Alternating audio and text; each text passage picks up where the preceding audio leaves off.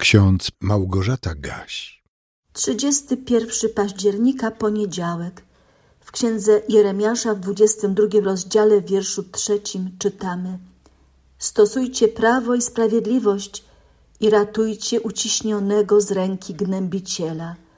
Obcego przybysza ani sieroty, ani wdowy nie uciskajcie, nie zadawajcie gwałtu.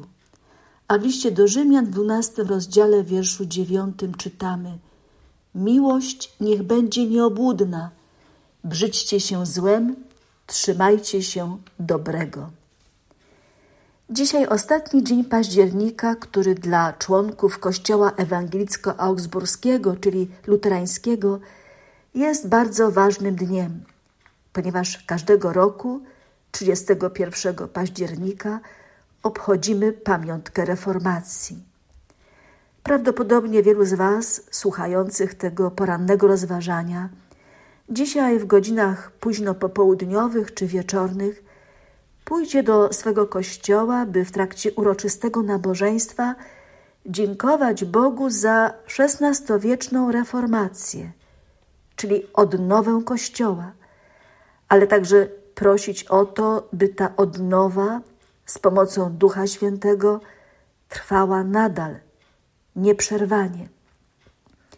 Dzisiaj mamy okazję spojrzeć do księgi Jeremiasza, do rozdziału 22, w którym zapisana jest wiadomość od Boga, jaką prorok miał przekazać królowi judzkiemu Joakimowi, synowi Jozjasza.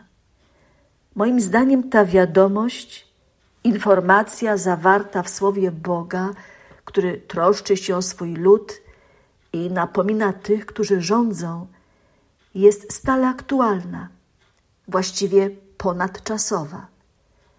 Posłuchajmy jeszcze raz dzisiejszego wersetu z księgi Jeremiasza.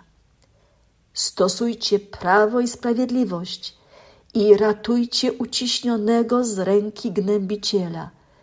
Obcego przybysza, ani sieroty, ani wdowy nie uciskajcie, nie zadawajcie gwałtu.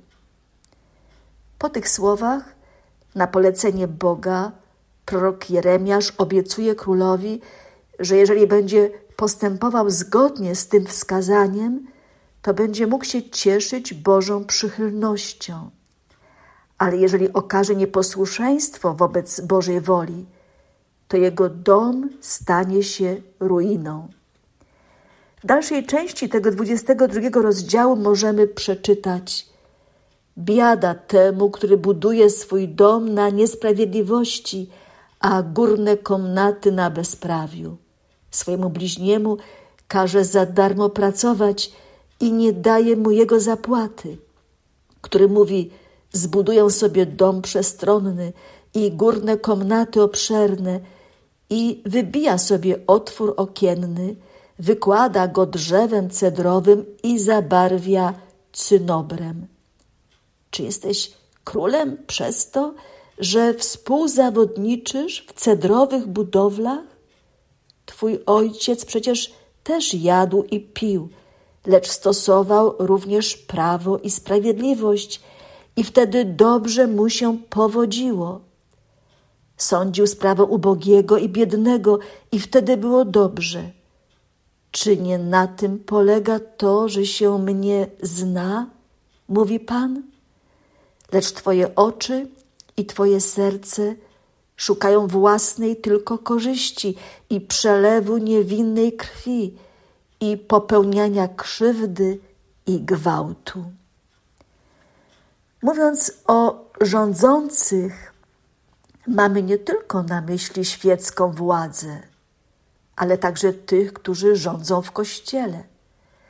Na pewno wiemy, co działo się szczególnie pod koniec średniowiecza w kościele chrześcijańskim i jak bardzo hierarchowie wykorzystywali swoją władzę, swoją pozycję dla własnych korzyści, dla zdobycia pieniędzy.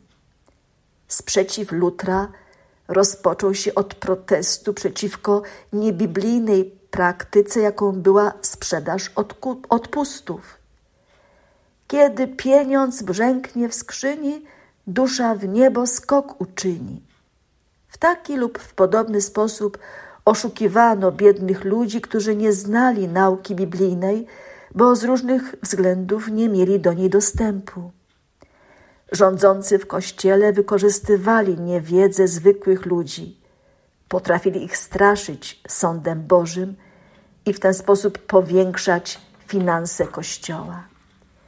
Dla Lutra i jego zwolenników bardzo ważna była zasada sola scriptura, czyli tylko Pismo Święte. Od lektury Pisma Świętego zaczęła się reformacja, odnowa, powrót do źródeł. W Piśmie Świętym każdy z nas może odnaleźć naukę, która jest potrzebna do tego, by wkroczyć na drogę uświęcenia. Drogę, która prowadzi do zbawienia z łaski przez wiarę w Jezusa Chrystusa. To On, Pan Kościoła, zachęca nas do odnowy.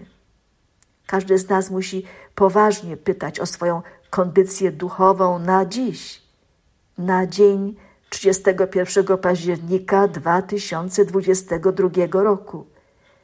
Czy jest ona taka, jak na przykład pięć lat temu, gdy obchodziliśmy 500 lat reformacji?